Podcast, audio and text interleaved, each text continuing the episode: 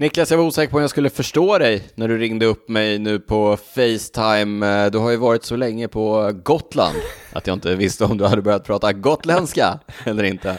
Nej, det är ingen fara Daniel. Du kommer förstå mig. Lyssnarna kommer förstå mig. UCI, UCIs nya påfund Supercykel-VM är igång i Glasgow i Skottland med massor av cykeldiscipliner. Och så är både du och jag orimligt taggade på... Övertaggade. Ja, på vårt nya segment i podden som vi har kallat, valt att kalla historiehörnan.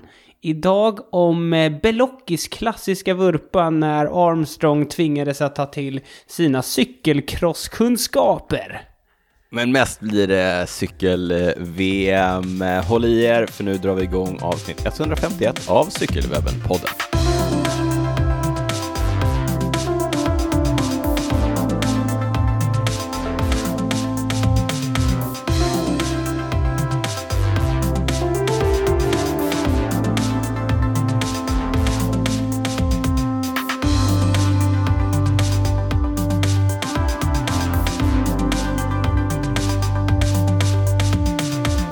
Men varmt välkomna till vårt 151 avsnitt av Cykelwebben-podden. Det är jag, Daniel Rytz, hemma i Cykelwebben-podden-studion. Niklas Hasslum, du sitter i en improviserad studio på Gotland, hemma hos vår kompis eh, Dr. Rosin, va? Dr. Rosin, känd från ett bonusavsnitt tror jag.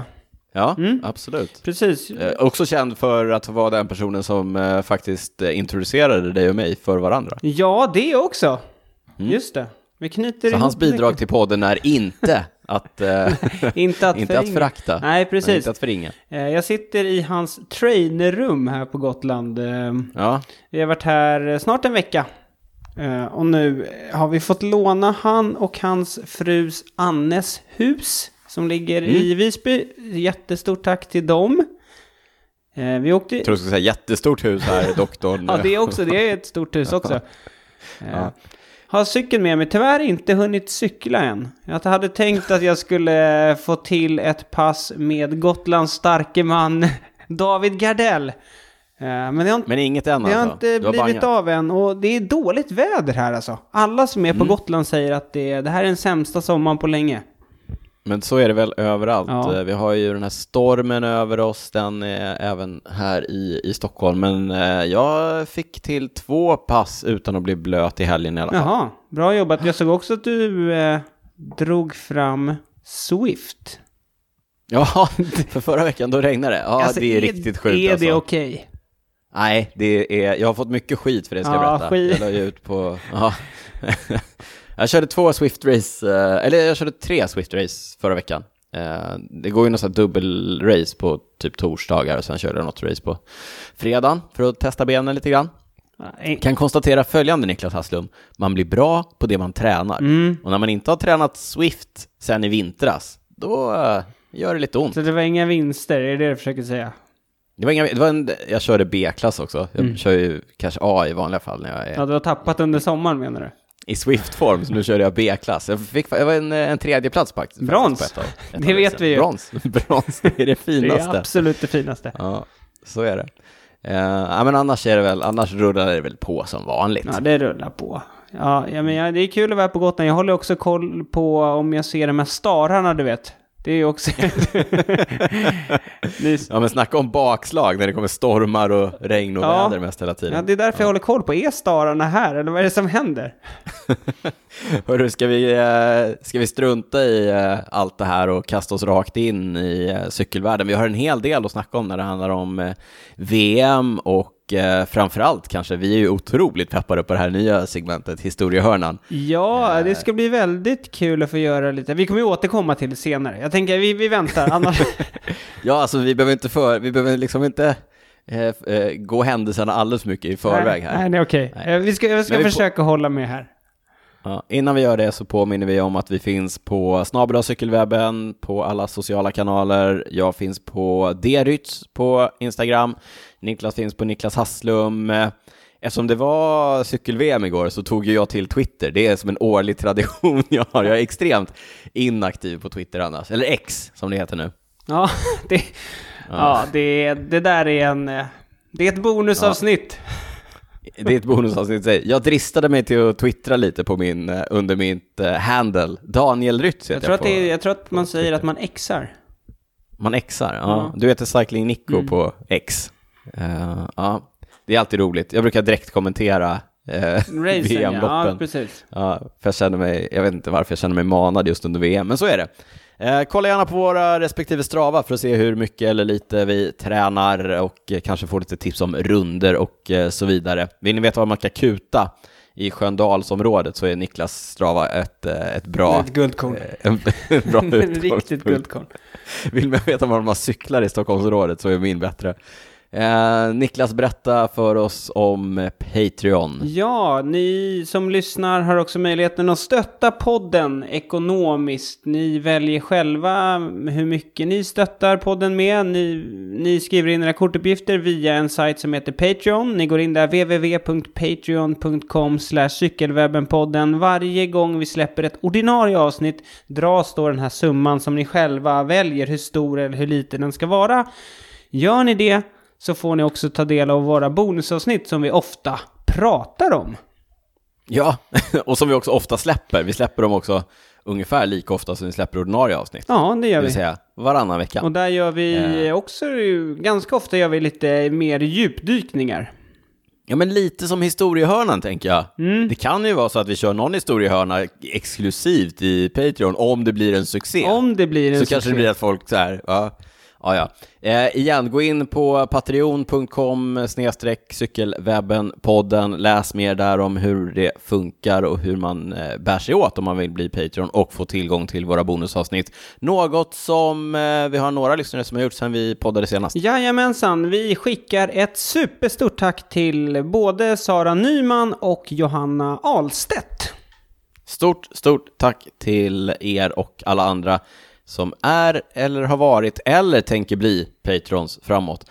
Okej, en grej till innan det är dags för eh, så att säga köttet och potatisen i, den här, eh, i det här avsnittet. Ja, men precis. I början av sommaren så körde ju vi en gravelrunda. Det blev en svintrevlig social ride. Med våra vänner på uh, Cykelcity. Emmy var här från No Borders. Vi hängde på uh, Cykelcity innan, Le Monde efter. Jag säger svintrevlig, det var i alla fall det längst bak där jag höll till.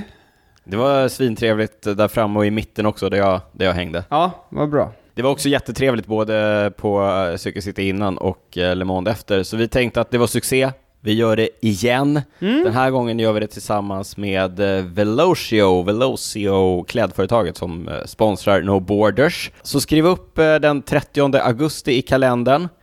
Eh, från 17.30, eh, samling på Le Monde. Håll ögonen öppna i våra sociala kanaler. Eh, men skriv in 30 augusti redan nu i er kalender. Det är, det är en onsdag. Det är en onsdag.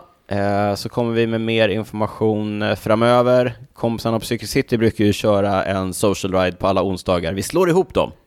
Vi slår. Eh, det är, vi, slår ihop vi försöker inte konkurrera ut Nej, något. det är ingen det är konkurrens. Här. Det är otroligt det är, viktigt. det är otroligt viktigt. Det är... Inte vassa armbågar, utan armkrokar. Det är... Tack Niklas, du fick till det.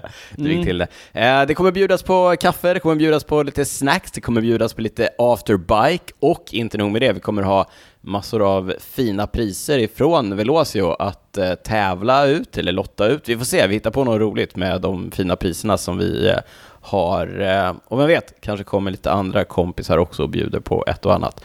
30 augusti, skriv upp det i kalendern. Missa inte! Missa inte! Ja, en annan grej som ni inte vill missa. Nästa tisdag, den 15 eh, augusti, då kommer det också köras en eh, liten social ride eh, eh, tillsammans med Cykelcity och eh, BMC. Då, får man möj då har man möjlighet att testa en sån här Kaius 01 som jag har tävlat på hela året och även körde VM på förra året. Eh, håll ögonen öppna på Cykelcitys eh, sociala kanaler och på, även på våra så kommer det mer detaljer om det. Det är mycket så, social rides nu. Det är mycket social. 15 mm. augusti, men den viktigaste 30 augusti 30. med eh, Cykelwebben-podden och eh, Velocio. Skriv upp det i kalendern. Nu så, låt oss kasta oss in i eh, världsmästerskapen på landsväg först då, som körs i Glasgow. Ja, precis. Och jag sa ju det inledningsvis här. Det är ju en, ett nytt påfund av UCI att det är ett, eh, det är någon slags supercykel-VM när det går massa olika discipliner under några veckor i, i Glasgow. Det är landsväg, det är mountainbike, det är bancykling, det är eh, paracykling. Eh. Det är cykelballett. Ja, trial, det, ja, det är så mycket med grejer. Nu sa du det som att trial är cykelbalett, det är det ju inte, det, nej, nej, det är nej, två nej. olika grenar. Mm. Nej. uh, nej, och uh, så har du bancykling, mm. det kommer vi återkomma till lite grann, uh, paracykling, masterscykling, uh, eller Gran Fondo-cykling kommer vi också kanske nämna lite framöver, men jag tänker att vi börjar med de linjeloppen som har gått i, i de riktiga klasserna. Ja, precis, för vi det är inget vi sticker under stolen med. Vi, landsvägscyklingen är ändå det som ligger oss närmast om hjärtat. Mm. Men du, en sak som inte är med dock, och apropå saker som ligger oss eh, nära. Gra Cykelcross? Nej, ja det är inte Gravel. med. Gravel, det var det jag skulle komma mm. till. Ja. Eh, jag tror att till nästa år, de, eller nästa gång när de kör en sån här supercykel-olympiad kanske man kan kalla det, mm. då är det nog tänkt att Gravel eh, ska vara med. Det är, de, var fjärde år tänker de sig att de ska göra så här. Mm. Uh, men i år så hann de väl inte lägga om, eller så hade de redan lovat Pippo Pozzato att de skulle köra det i Italien nästa år också, eller i år också. Mm. Uh, så att i år inget gravel och ingen cykelcross. Cykelcrossen ligger ju lite fel i, i säsong för att det ska kunna gå nu. Eh, nästa gång de kör det här VMet så tänker de nog också att det ska gå på det ordinarie VM-datumet i oktober. Ja, precis. Det brukar ju vara i slutet på säsongen. Landsvägs-VM. Ja. Uh, men, uh, men ju... några av linjeloppen har uh, gått och... Ja, precis, det börjar ju med juniorlinjeloppen. Det är lite annorlunda upplägg nu. Eh, ja, med... det brukar ju vara en helg när alla, eller en, en lång helg när alla linjelopp går, men nu är det alltså utspritt över två veckor så att herrarnas linje gick igår, damernas linje går nästa helg. Eh, juniorlinjen, linjerna har redan gått, U23-VM går väl nästa helg då i samband med eh, dam Ja, precis. Och så ska herrarnas och damernas tempon klämmas in där också. Så att det, det, ja. det, är lite snurrigt. Man får hålla koll på... Man kan till exempel hålla koll på vår Instagram. Där, där försöker vi reda ut vilka lopp som går när och vilka som är favoriten och så. Men som du sa, juniorracen har gått. På damsidan vann fransyskan Julie Begaud. Och på herrsidan vann dansken 16 år. Alltså de, man får ju vara upp till 18 år när man kör junior.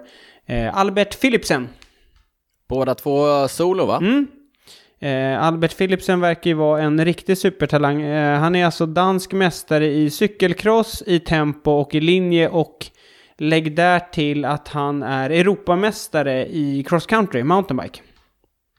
En, eh, och nu då... komplett, en komplett cyklist. ja, han kan bli i alla fall. Han är också då, eh, ja. som vi sa då, världsmästare linje landsväg. Eh, och... Hur har det varit med svensk representation på de här eh, tävlingarna? Ja, på, på damjuniorsidan hade vi Stina Kage till start och på herrjuniorsidan hade vi två killar. Där var det Wille Merlöv och eh, Gustav Magnusson. Yes, inga framskjutna placeringar inga framskjutna tyvärr för... placeringar tyvärr, men... Eh, desto rikare på erfarenhet. ja, eh, vi kan också skicka ett, eh, ett grattis och kul till eh, Stina Kagevi som jag har skrivit på för eh, Coop Hightech till nästa år. Så att ännu ett svenskt eh, proffs i eh, damklungan till, till nästa år. Ja, kul! Gör Jenny Rissveds sällskap. sällskap. Mm. På herr-senior-sidan så hade vi, på tal om svensk deltagande, Lusak, Lukas Eriksson till eh, start. Precis som vanligt, mästerskapsåkaren eh, Lukas ensam från det svenska landslaget. Eh, han gjorde det ändå bra. Han satt med i den decimerade klungan en bra bit in på, på liksom varvbanan. Ja, men vi kan väl prata lite kort om banan. Det är ju i, va i vanlig ordning så var det ju kanske så ett varv ute på landsbygden där man eh, betade av de första 10-15 milen ja, eller? Ja, men precis. Och sen så då tar man sig in på en, en varvbana. Eh, denna gång inne i Glasgow. En riktigt knixig bana. Eh, många kurvor. Ja, det var en riktig cirkus alltså. Eh, alltså jag satt, ju, jag satt ju och tittade på hela VM-loppet. det var aldrig så att jag kände så ja ah, just det, ja, det, var, det var typ en backe på, på varvet som man var så ja ah, nu är de i den där, ja. där med två särper liksom. Ja, just det, Men precis. resten var så här, resten var så här, är det där, är han där, är han där? Ja men du vet, ja. fick inga så här referenspunkter riktigt. Eh, så det var en riktigt knixig bana, vilket också visade sig vara extremt utslagsgivande. Ganska fort när de kom in på varvet så gick eh, Mikkel Mörköv, eh, den danska specialisten på spurtuppdrag, in och började köra stenhårt, vilket, ja men, Alltså folk flög ju av ifrån eh, slutet på klungan direkt. Ja, och det, jag, jag, såg det efter att många har ju sagt att det här var ju bland de tuffaste cykeltävlingarna de har gjort. Liksom. Det, var ju, det var ju full gas från att de kom in på varvbanan. Så det var ju... Ja men det var ju några korta, liksom branta backar och sen alla igångdrag efter varje kurva. Det var ju det som liksom malde ner folk det var smalt och det var 90 graders svängar och som du säger, branta kurvor.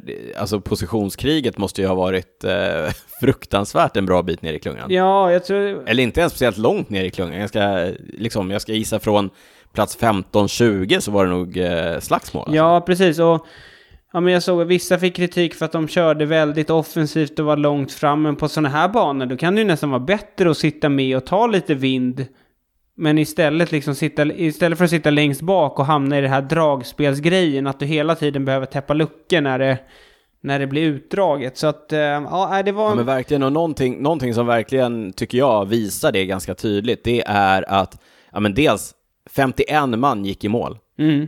Av 180-190 startande.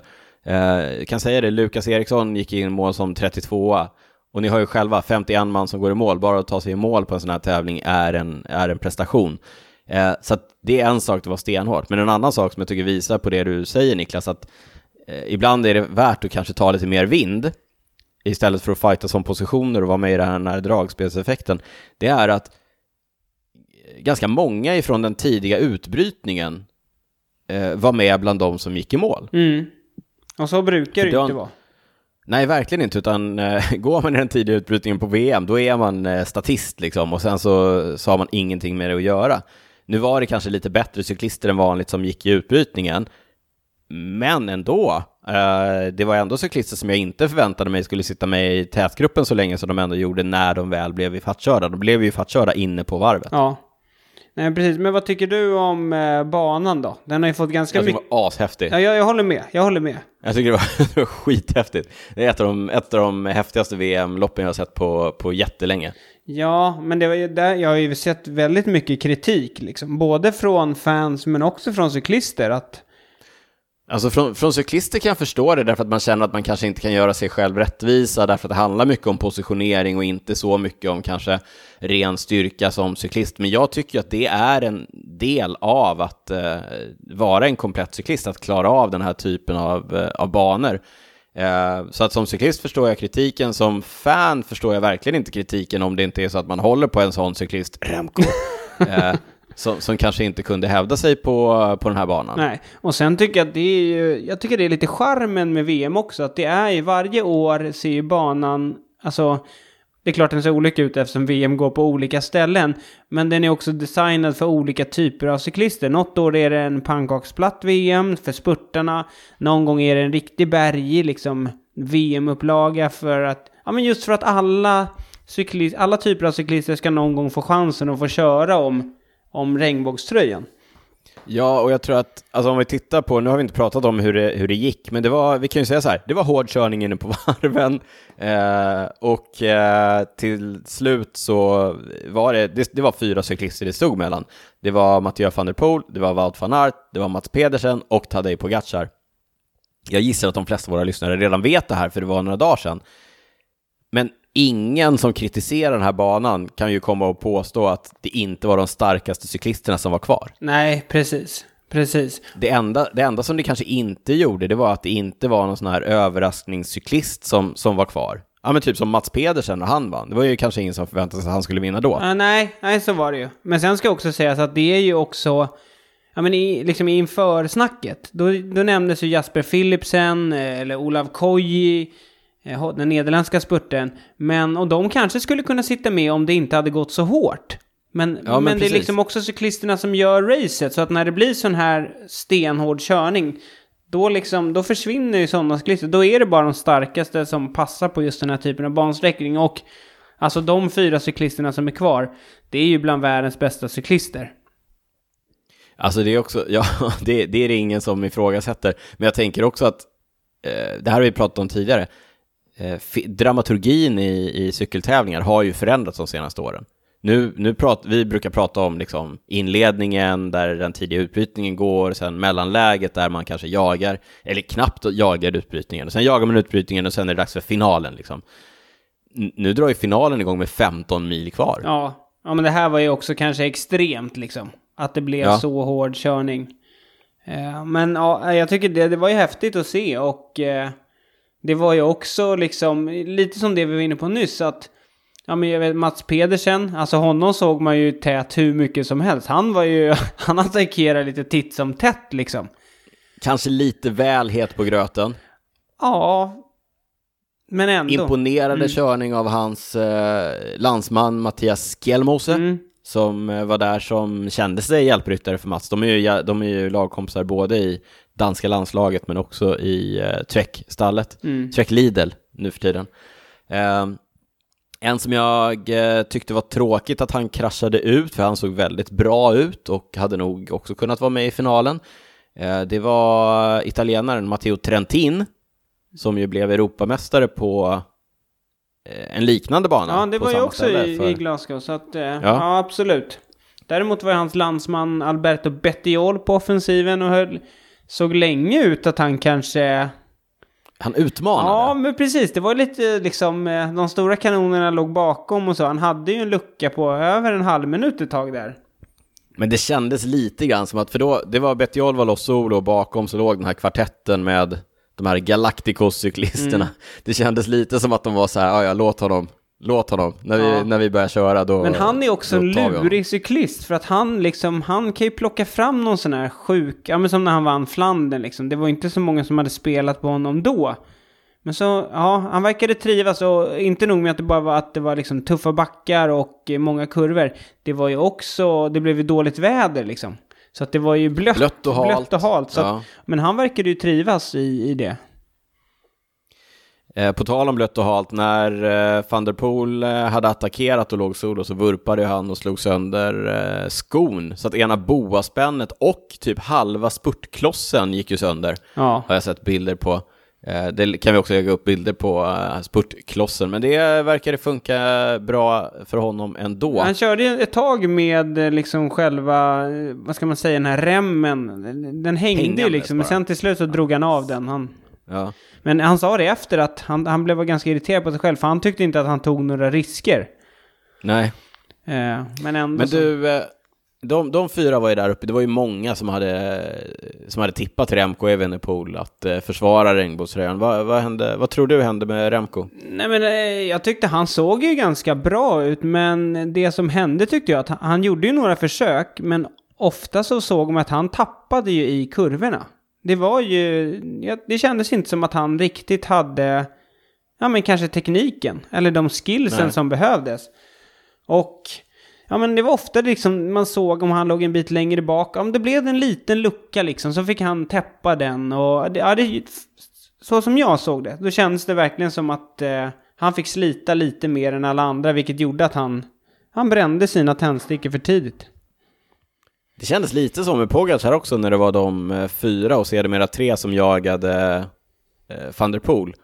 Att eh, av Pedersen, van Aert och Pogacar så var Pogacar avgjort eh, sämst i kurvorna. Ja, men lite så. Han, ja, han såg lite, han såg inte heller helt eh, liksom säker ut. Och sen tycker jag också Wout van Aert såg ju ganska sliten ut länge, men sen på något sätt på slutet så fick han lite oväntade krafter och han, där tyckte jag man såg att både han och Pogacar, jag tänker att de har ganska, liksom, de, eh, de egenskaperna de har genom att köra cykelcross. Det är korta, liksom intensiva spurter uppför, det är mycket kurvor. Det kändes som att de hade lite fördel av det och det var ju också så han tog silvret. Han körde ju ifrån dem i kurvorna på slutet. Ja, och sen kom den, eh, det överraskande i att eh, Pogacar spöade Pedersen i spurten om brons.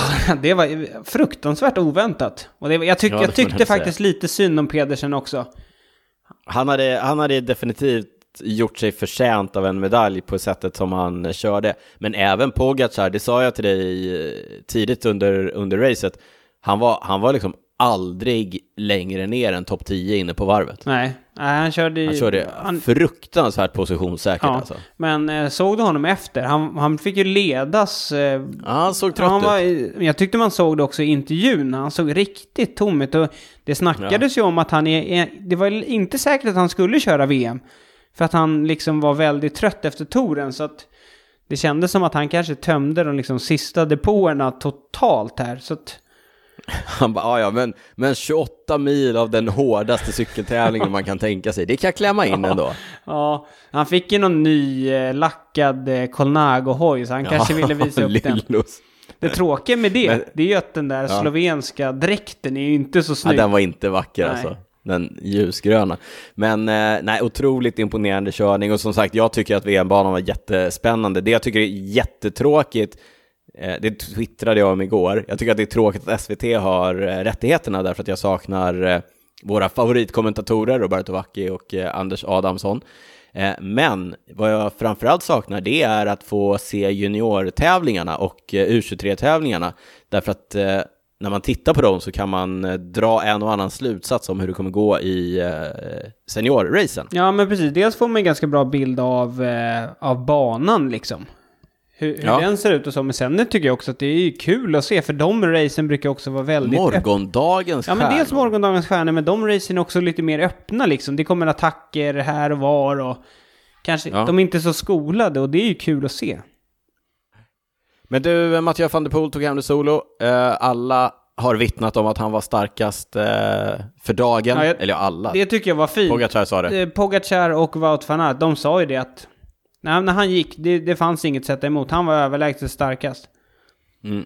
Jag tror att Mats Pedersen kände att han var ungefär lika stark, men att han kanske hade ja, lite för uh, het på gröten helt enkelt. Ja, så kan det ha varit. Men, ja, när, men också när han gick, van der Poel, alltså det var den attacken, han spurtade ju ifrån dem. Alltså det var ju... Ah, det var, ja, det var, det var Det var en sån här Strade Bianca-attack ja, som han verkligen, la på. Verkligen. Ja. Det sjuka var ju att Bettiol var ju före dem i den backen. Och sen kom attacken och sen plötsligt var Betty Jolt borta. Han var borta. Men du, eh, för att eh, sätta det i lite perspektiv, och siffror säger liksom ingenting, och försök inte hemma och liksom sätta er in i, men, men vi har ju fått lite rapporter och rykten och, och eh, skvaller om att normalized power, om man kör med effektmätare, sista fyra timmarna, låg alltså runt 400 watt. Mm. I fyra timmar. Ja, det är, det är helt galet. Det är helt galet. Du, eh, han har haft en bra säsong Mattias van der Poel då. Ja, men han har vunnit eh, Milano Sanremo, Paris-Roubaix och nu VM. Ja. Eller han har ju vunnit mycket eh. mer. Han vann ju cykelcross-VM också i Cykelcross-VM. Mm. Mm. Ja. Och han är inte klar än, han ska köra mountainbike-VM om några dagar här. Mm. Ja men precis, han bygger, börjar bygga på sig en ganska fin meritlista, Mathieu van der Poel. Det tycker du? Ja, det får man ändå säga, eller? det, får man ge, det får man ge honom. Det får man ge honom. Roubaix, Sanremo, Flandern, VM, Amstel. Eh, han, han, har kört i gult, han har kört i rosa, han har vunnit eh, toretapper, han har vunnit etapper på girot, han har vunnit, eh, som vi sa, eh, flera cykelcross-VM-titlar. Han har vunnit eh, eh, mountainbike-världscuper. Ja. Ja, vad är, vad, vad, är liksom, vad är nästa steg för honom? Han sa, han sa ju det själv, liksom, det här var en av de få liksom, grejer jag kanske hade kvar på, liksom som jag ville bocka av. Hur gammal är han? Han är 28 bast. Where do you go from here, Mattias? Ja, men alltså vad är nästa steg? Nu ska han köra om, eh, alltså som du sa, mountainbike-VM. Den har han ju inte tagit, den vill han ju ta. Eh, sen tänker jag att det kanske är OS. Alltså både mountainbike och landsväg. Han har ju inte kört eh, Welton än va, tror jag. Så han har inte kört i rött, han har inte vunnit etapper på Weltan. Ja. Något, något ska han väl ha kvar att göra till nästa år. det är också lite så här sjukt att man typ, vad ska han göra nu då? Eller liksom, vad finns kvar att vinna? Ja, ja. Inget uh, varar för evigt. Titta på Julian Alaphilippe. Uh, nu njuter vi av att se Mattias van der Poel i regnbågströjan uh, under nästkommande år. Vet du vad han sa? Han sa ju att han, det här var ett sista loppet för honom i år på landsväg. Men nu sa han att ja, men nu vann jag VM så jag kanske måste visa upp det någon gång. Det tycker jag ändå att han borde ja, göra. Ja, absolut.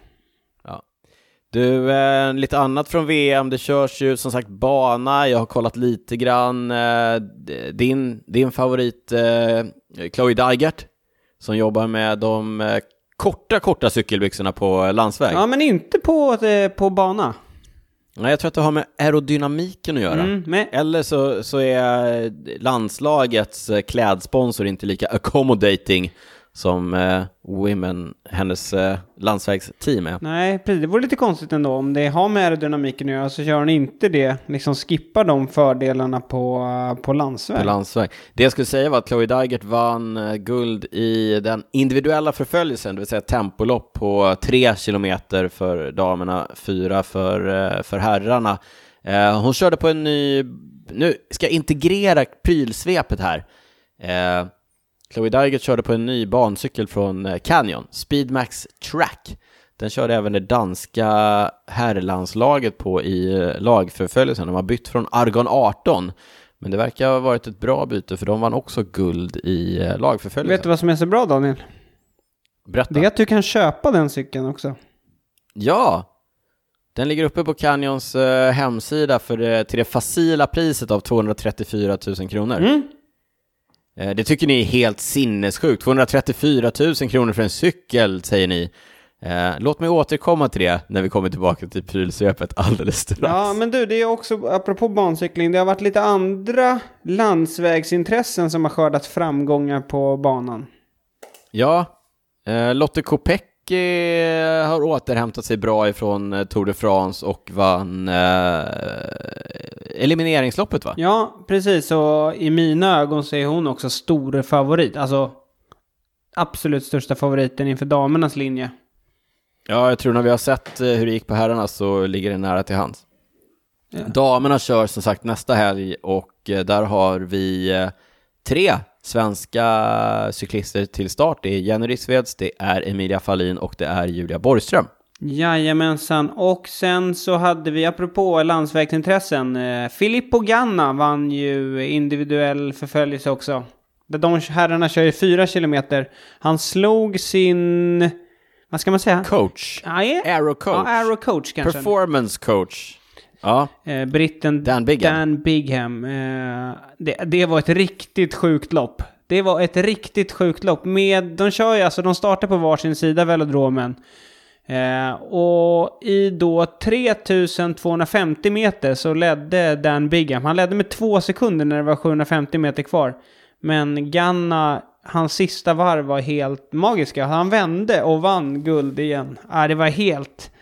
Ja, det var sjukt, och, sjukt att se. Finns på SVT Play och, och titta på. Eh, otroligt imponerande, men jag tycker att det här att Dan, Dan Bigham utmanar Filippo Ganna, det i sig är ju, alltså det är ju fascinerande. Ganna är ju en av de största stjärnorna på cykel just nu.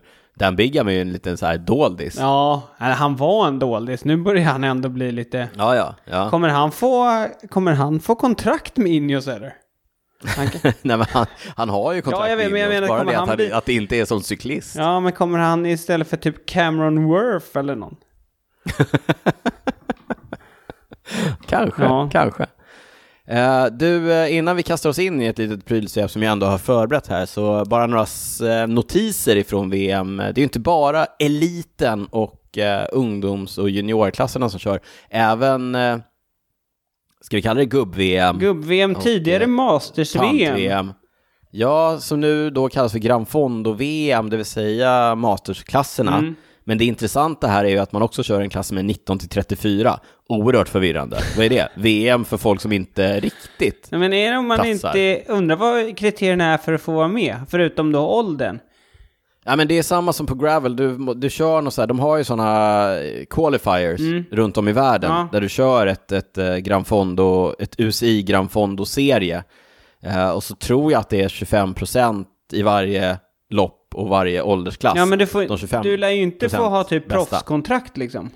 Nej, nej men precis, så, så är det väl säkert då. Men eh, ja, några namn, alltså dra, dra det här som du har skrivit upp nu. Vem var det som vann i Ja, men H det jag har noterat då, det, och då har inte jag kollat igenom alla startlistor, men eh, Alexander Vinokurov tog ju guld. Han är väl plus, är han, är han väl 50 än nu va? Ah. Ja. Ja, men han är runt omkring där. Sylvan Adams. Ja, Jan, äh, ägaren i Israel Premier mm, Han tog dubben. Han vann alltså både linjet och tempot. Sen vann ja. ju också Johnny Hocherland. Kommer ni ihåg honom? Han kommer också dyka upp i historiehörnan eventuellt, eh, framöver. Gamla Vacans Soleil-cyklisten Johnny Hocherland. Han flög in uh. i ett, eh, han blev påkörd av en motorcykel. Eller en bil var det. Bil, bil till var det. Ja, in i taggtrådsstängsel. Ja, eh, han vann ju... Massor av, det är massor av gamla eh, proffsnamn i resultatlistan. Cipollini var väl där och körde? Jag såg honom bara i startlistan, såg honom faktiskt inte i resultatlistan. Däremot hans gamla kompis Massimiliano Lelli mm -hmm. var där och körde. Mm. Nicola Loda. Många. Jag såg, eh, jag läste faktiskt om Håsjöland för någon, ja men det var väl förra året eller något. Han, han kör ju något hotell tror jag. Ja, precis. Eh, och då tror jag han... Han och Sagan. Ja, men precis. Sagan är samma. Och, och Stenek Stibar. Det, kommer, det kan vi återkomma Nej, till. Men så han håller tydligen igång och uppenbarligen så är väl formen ganska god. Så att, eh, ja, det är kul med lite sådana där gamla cyklister som fortsatt håller i och visar upp det. Det var en del svenskar som körde också. Ehm, den jag har sett har tagit medalj är Jenny Asplund som tog brons på tempot i klassen 35 till 39 år. Kul! Kul! Grattis eh, Jenny och eh, bra kört alla svenskar som var på plats och körde Gran Fondo-VM. Ja, kul! Ja. Eh, ska vi ta ett snabbt prylsvep innan vi kastar oss in i det som vi båda två är så otroligt peppade ja. på? Historiehörnan. Historiehörnan. Eh, ja, men det är ju eh, det är mycket nytt eh, vi såg faktiskt och har sett, den har ju läckt lite tidigare. Specialized har släppt en ny version av sin Tarmac som numera är deras allround-modell på, på landsväg. De har ju släppt sin Aerohoj och hävdar att eh, Tarmacen är typ lika Aero, mm. men eh, lättare. Alltså Venture? Tarmac, ja, eh, de har släppt Venture. Mm. Alltså inte, alltså släppt som i droppat. Ja. Inte mer längre. Nej, Bort. inte mer längre tack. Försvinn. Det de har släppt, det de har släppt nu, det är eh, Tarmac SL8, eh, alltså den åttonde generationen av deras eh, eh Tarmac-modell. Eh, nu har den en eh, förlängd nos, typ. Speed sniffer kallar de den. Vilket eh, namn den, ändå! ska göra den lite mer aerodynamisk. Eh, den har också ett eh, integrerat styre styrstam som också ska göra den lite mer aerodynamisk. De trycker mycket på de här sekundfördelarna i, i pressreleasen. det är väl vad det är i den, i den verkliga världen. Men var sitter den här speedsniffern? Är det på styrhuvudet ja, det, eller? Ja, det, ja precis. Styrröret ja. är liksom längre framåt. Okay. Så det får en djupare profil. -hmm. Jag fattar. Och det ska tydligen då, ja. Um, det jag ändå fastnade för när jag läste pressreleasen, det är att en, en ram i S-Works, eh, deras finaste ramar, eh, ska alltså väga 685 gram. Oj! Ja, det är väldigt lätt. Det är väldigt lätt. Det är väldigt lätt. Eh, den lite enklare Pro-ramen då, den ska väga ungefär 100 gram mer. Eh, så att 780 gram Det är ändå väldigt, väldigt lite. Väldigt, väldigt, väldigt det är väldigt lite. Vet du vad som inte är lite? Give it to me. Det är priset Niklas. den såg ingen komma Daniel. ingen såg den komma. Eh, det, här är, det här är någonting som jag på riktigt är, eh, blir upprörd över. Jag tycker att det är helt sinnessjuka priser på de här cyklarna. En eh, SL8 S-Works, det vill säga den finaste, lyxigaste med eh, antingen Durace D2 eller SRAM Red Access. 176 000 kronor. Mm. Det är ändå 50 alltså, jag... 000 mindre än eh, Canyons ban, banhoj. Exakt. Ja, men det, det, det är fortfarande i samma härad skulle jag mm, säga. Ja, absolut. Alltså jag tycker att det är... Jag förstår inte vad som kan motivera... Alltså, vi var ju upprörda när de kostade 120 000. Ja. De här. Eh, och nu bara, men vi lägger på 50 000 till. Mm. Eh, vill du ha en Ultegra-hoj, Niklas? Ja, 113 000 spänn. Alltså det är helt orimligt. Det är helt, det är helt... Ja, det är helt orimligt. Det är, jag blir fan, eh, jag blir upprörd. Jag köpte ju, du vet, jag, jag gillar ju olika grejer, olika konstiga grejer eh, och så vidare. Jag köpte en hoj på, på Blocket här i somras för 4 000 spänn. Mm. Ja, men, eh, jag satt, och satt med på Le Peloton här i somras. Det var bara cykelns förtjänst. Så stark är jag inte. Det var bara... jag säger, kom, Nej, men... kom till Gotland Daniel, det är loppisar överallt. jag kan göra sådana fynd ja, alltså. Ja, då. ja. Ja, nej men absolut. Jättemycket R&D går in i det här. Eh, det är fantastiskt att bygga cykelramar som väger 685 gram. Men fan, ingen cykel är värd 176 000 spänn. Nej, det, det är mycket pengar. Eller? Det är mycket pengar. Eller? Det är många sms-lån där. Alltså det är... Oh. Ja, men jag fattar inte. Hur ska, hur ska man göra sporten tillgänglig för folk när man tycker att det är rimligt att ta över 100 000 spänn för en Ultegra-hoj? Ja. Men vad, eller, eller vad sa du att den låg på Ultegra D2? 100... 113 000. 113, ja. Ja, det är, ja. Eh, ja, det har hänt lite. Jag kommer ihåg när jag köpte min första Ultegra D2. Förvisso inte med skivbromsar. Men då låg den på 40. Ja. Det var en Canyon. Ja, men, ja, alltså det är typ, det är rimligt. Mm. Uh, eh, SL8 Expert, ja det kan, jag vet inte vad det är, eh, vad som är på den. 82 000. är det Tiagra? S-Works ramset, 69 000. Alltså jag... jag, jag oh. du, du blir arg. Ja, men jag, blir, jag tycker att det är, det är fan orimligt alltså. Sen jag fattar också att det här är lyxprodukter, men det är fortfarande orimligt. Ja, men eh, vi enas om att det är mycket pengar. Men vet du vilka som inte kommer få köra på Tarmac nästa år? Det är eh, Peter Sagans före detta lagkamrater i Total Energy. Peter Sagan lägger ju ner nu. Han ska ju satsa på ja. mountainbike, så han ska sluta på mm. landsväg. Så han kommer ju lämna Total Energy. Det gör också Specialized. Då, ja, it's a package deal. Ja, så nästa år ryktas det om att de kommer köra istället på KTM. ja, uh, ja, ja. Det är, inte, det är inte dåliga cyklar det heller. Nej det är det inte. Ska jag, jag, det hör jag, är fortfarande upprörd här. Ja, du måste tagga till nu för snart är det efter. Ja, men det är bra, för nu är jag uppe i varv när vi ska dra igång eh, första avsnittet av eh, någonting som jag hoppas kommer bli ett stående segment här i podden, nämligen historiehörnan. Återigen, när du och jag slår våra kloka huvuden ihop, då faller namnen rätt. vi följer upp eh, prylsvepet, vi följer upp eh, Ja, Cykelwebben-podden. Ja, ett otroligt ja. bra namn också. Ett otroligt starkt namn. Och nu kommer alltså historiehörnan. Eh, Niklas, eh, nu sa du som att vi slår våra... Det här var min idé. Det var faktiskt din idé. understryka. Ja. Eh, och... Ibland kommer du på bra grejer, Daniel. Det ska du ha. Även en blind höna. Även en blind hörna. Även en blind hörna. Eh, nej men så här är det, jag har ju följt cykelsporten ganska, ganska länge. Jag har intresserat mig för eh, cykelsporten, vilket har gjort att jag också har utforskat dess historia, även längre bak än vad jag själv har följt den, mm.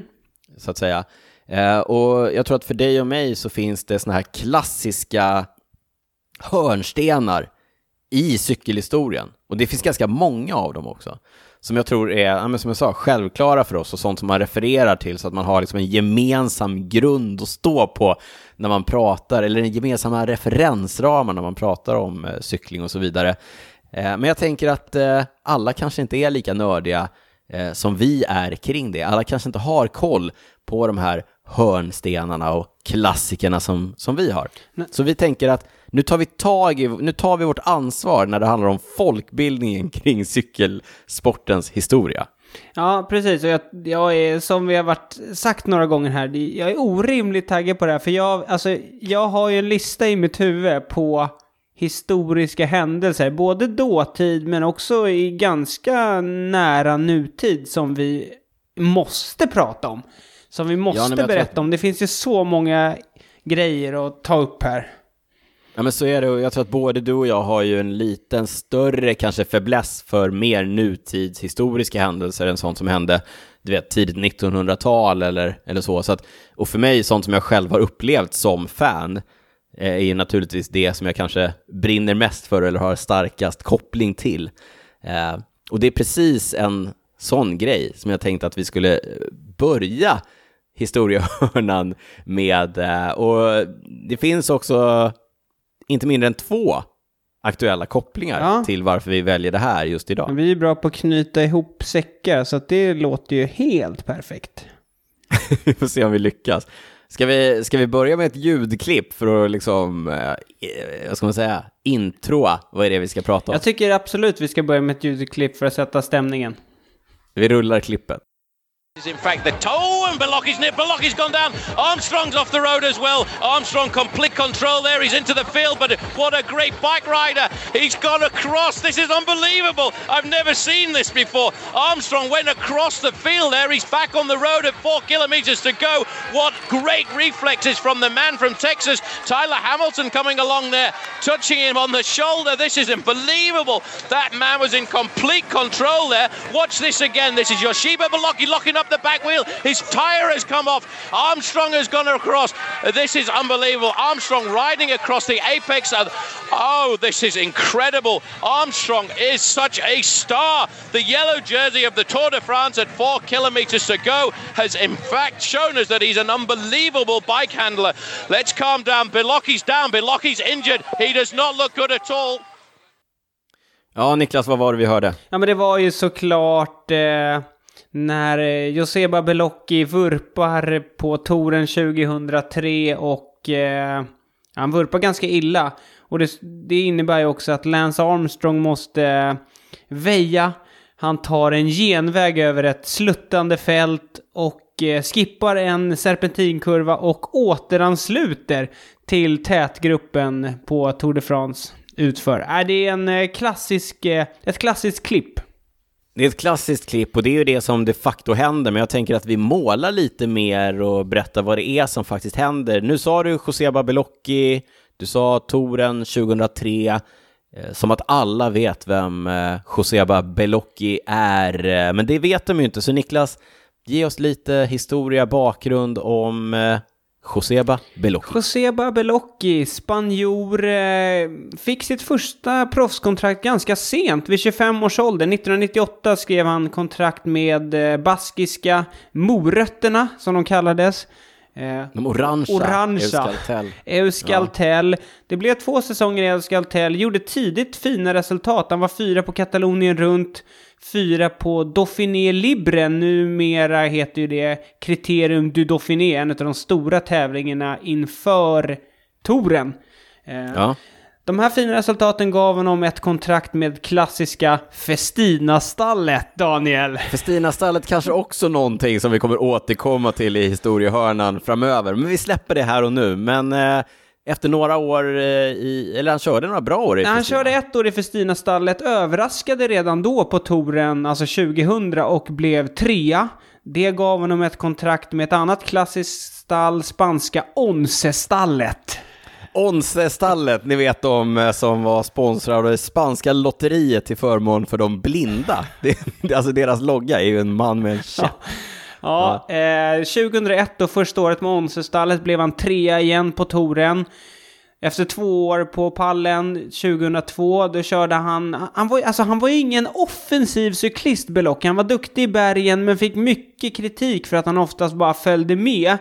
Eh, det gjorde han också 2002, slutade tvåa på touren, sju minuter efter Armstrong. Nu är vi framme vid 2003, han har tre pallplatser på touren på raken bakom sig. Det är självklart att han nämns som en av de stora utmanarna till eh, Lance Armstrong och US Postal som har dominerat Tour de France de senaste åren. Ja, jag vill att ni har följande i åtanke. Vi pratar alltså om eh, Festina-stallet. Vi pratar om Onsestallet och vi pratar om US Postal-stallet. Vad har de eh, gemensamt, de här stallen? Det tar vi, det tar vi någon helt annan gång. Men vi, alltså, vi, alltså, vi befinner oss före Tour de France 2003. Eh, Lance Armstrong har vunnit eh, fyra torer vid det här laget och siktar på en historisk femte. Vid det här laget, Niklas, så var det ju ingen som hade vunnit fler än fem torer. och det är det ju fortfarande inte idag, 2023. Vet du vad, det beror på vem du frågar. Det beror på vem man frågar. Eh, ja, Armstrong satsade på sin femte, Belocchi satsade på att eh, utmana. Touren 2003 drar igång med en prolog i Paris som vanns av eh, australiensaren Bradley McGee. Kommer du ihåg honom? Jag kommer ihåg honom, han vann... En spurtare. Ja, han vann före David Miller, också en annan historia vi kan ta i podden.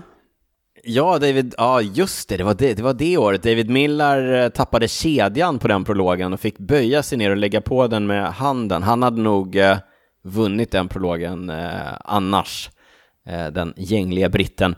Eh, hur som helst, eh, Armstrong hade inte sin bästa dag, sjua på prologen. Belocchi, åtta, bara en sekund efter. Mm, det börjar tight, det börjar tight. Ja. Hur gick det vidare sen då? Ja, men vidare sen, de höll sig ganska nära varandra. Det var ett lagtempo där eh, det åkstarka US Postal-stallet drog ifrån eh, det också ganska åkstarka Onse-stallet med 40 sekunder. Det var ett 69 kilometer långt lagtempo. Alltså här, vi måste stanna upp här. 69 kilometer lagtempo, alltså hur mäktigt är inte det? Ja, det hade man ju velat se i, idag. Alltså, alltså det, det ser man ju inte längre. Nej, Lagtempo är ju inte. dels en ganska utdöende disciplin tyvärr. Eh, mm. Men framförallt sådana här långa lagtempon. Alltså det har ju varit längre också, men ja. Mäktigt. Nej, det är, ja, det är mäktigt alltså. Det hade man det hade Och som man du sa, Hur som åkstarka US Postal. jag har ju sett dem live på ett lagtempo. Jag vet inte, var det 2003? Kan ha varit. Behöver kolla upp det här. Uh, hur som helst, Armstrong eh, har ju då eh, 40 sekunder på Belocchi när touren når Alperna. Eh, de två första bergsetapperna går till Morzin och upp till Alpe d'Huez. Ingen stor förändring de två emellan.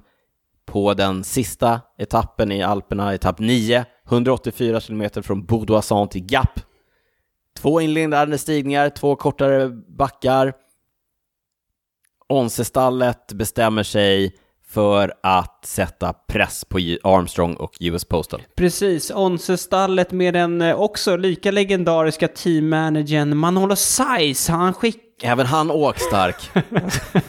han skickar upp tysken Jörg Jaksche, som då låg tia i totalen. Han skickar honom ja. i utbrytning. Han går i utbrytning, vilket får den effekten de önskade. Det innebär att US Postal hela dagen får jaga hårt de får bränna tändstickor. Eh, de, hjälpryttare. Hjälpryttare. De kommer till den näst sista backen. Alltså det var som du sa, det var två kortare backar innan målet i Gap. Eh, mm. Eh, Belocchi överraskar alla och attackerar. Ja. Eh, ja. Får med sig Armstrong som svarar, som kan följa. När de går in i sista backen, eh, Côte de la Rochette, så är det samlat bland favoriterna när, här kommer den ena aktuella kopplingen, Alexander Vinokurov, ni vet, nykorade världsmästaren i H50, 55, vad sa vi? Ja, någonstans Nykorade Grand Fondo-världsmästaren Alexander Vinokurov attackerar. Eh, han var en bit ner i totalen, det här var ju på den tiden som Vinokurov slogs om totalen i de stora torerna. Eh, också åkstark. Eh, vi använder kodspråk här. Så att ingen ska veta vad vi pratar om. Ingen förstår vad vi menar.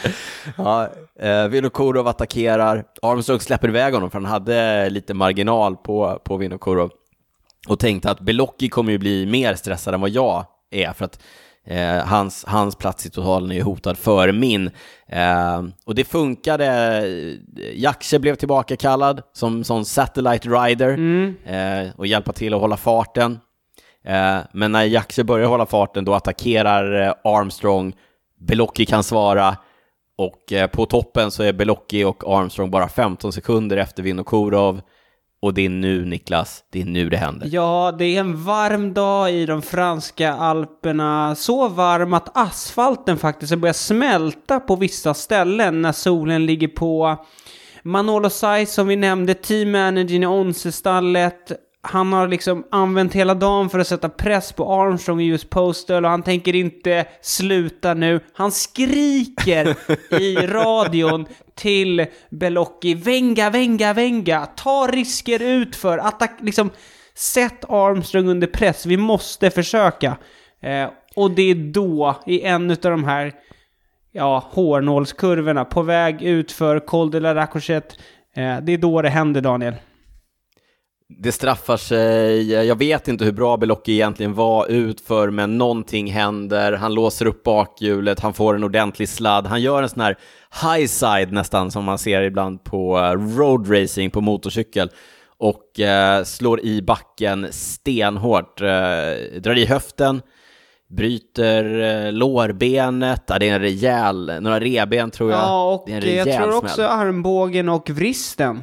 Eh, Det, det, det, grej, Vrider sig, alltså det är, det är det otrevliga är bilder, otrevliga men bilder, men det ser heller inte så, alltså man, han gör ju illa sig ja, ordentligt. det ser ganska allvarligt ut. Ja, Jag drog parallellen, ja men ja. Eh, Det är en ordentlig smäll. Eh, Någon av hans lagkompisar stannar för att se om han är okej. Det är han inte. nej, det kanske var och de Jaktje. klassi- Det kan ha varit Jaktje. De här klassiska bilderna som, som Niklas pratade om i början, det är då de utspelar sig, därför att Armstrong ligger ju bakom Belocchi och måste väja och väljer att väja då till vänster om Just honom, det, så han det- åker ut på det här fältet. Ja, precis, för det är ju en högerkurva så att han kommer ju helt fel in i kurvan och istället för att tvärnita och liksom gå tillbaka in på vägen och fortsätta som alla andra gör, nej, då väljer han att använda sina cykelcrosskunskaper. Oklart om han hade några cykelcrosskunskaper, men han lyckas ändå hålla... Det gick bra i alla fall, han, korsade det ja, här precis, fältet. han korsar fältet, kommer ner till ett dike, hoppar av cykeln, eh, upp på cykeln, upp på vägen, hoppar upp igen och lyckas ansluta till liksom slutet av tätgruppen som då har... Han kommer ju, han kom ju på vägen precis innan tätgruppen kör förbi, så när tätgruppen kör förbi, där sitter bland annat eh, Tyler Hamilton, ännu en åkstark cyklist, eh, som sträcker ut en arm för att, liksom, jag vet inte om han försöker knuffa på Armstrong eller inte.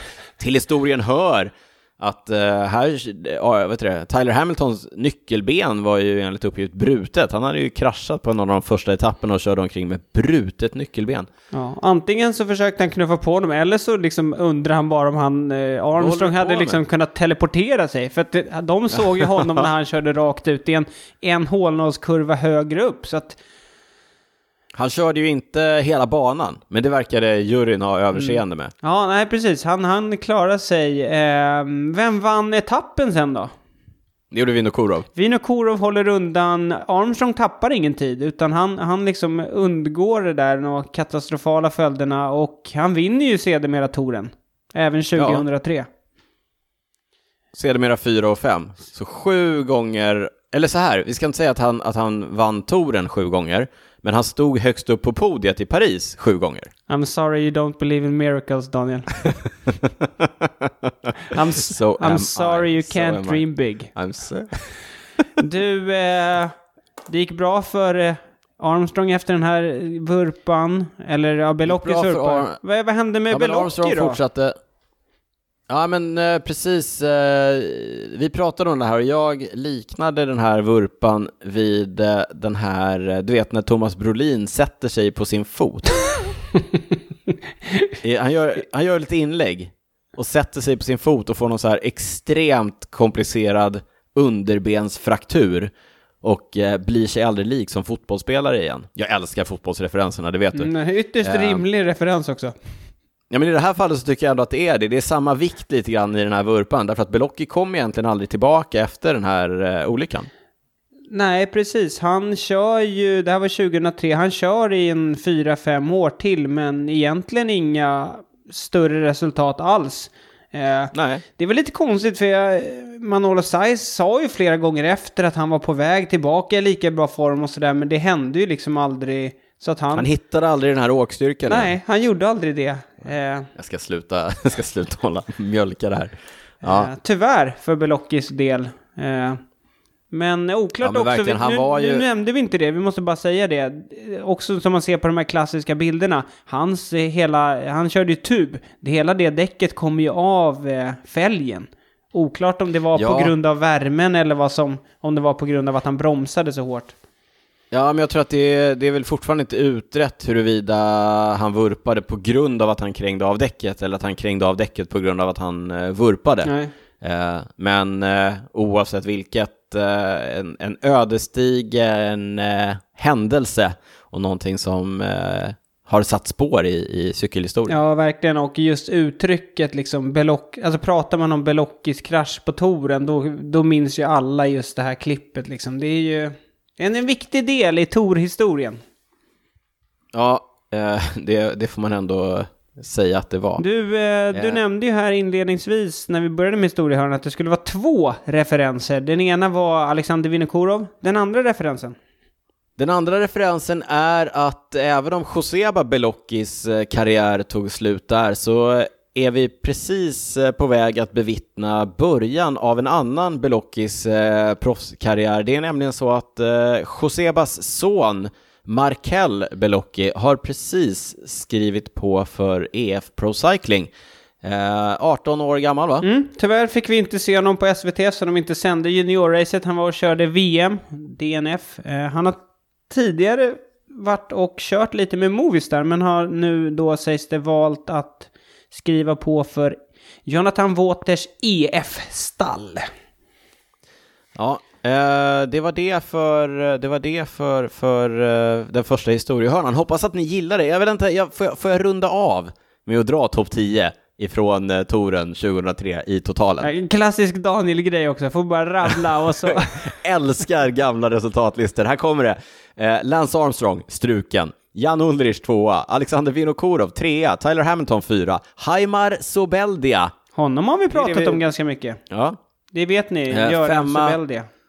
Exakt, Iban Mayo sexa. Båda de två körde ju på såna här cyklar som jag köpte på Blocket för 4 000 spänn. Orbea va? Eh, ja, Orbea. Eh, inte BMC. Eh, men av, eh, av nostalgiska skäl var jag tvungen att köpa den. Mm. Eh, Ivan Basso, då körandes för Fassa Bortolo. Christophe Moreau, det stora franska hoppet, eh, åtta. Carlos Sastre, Team CSC och eh, tia.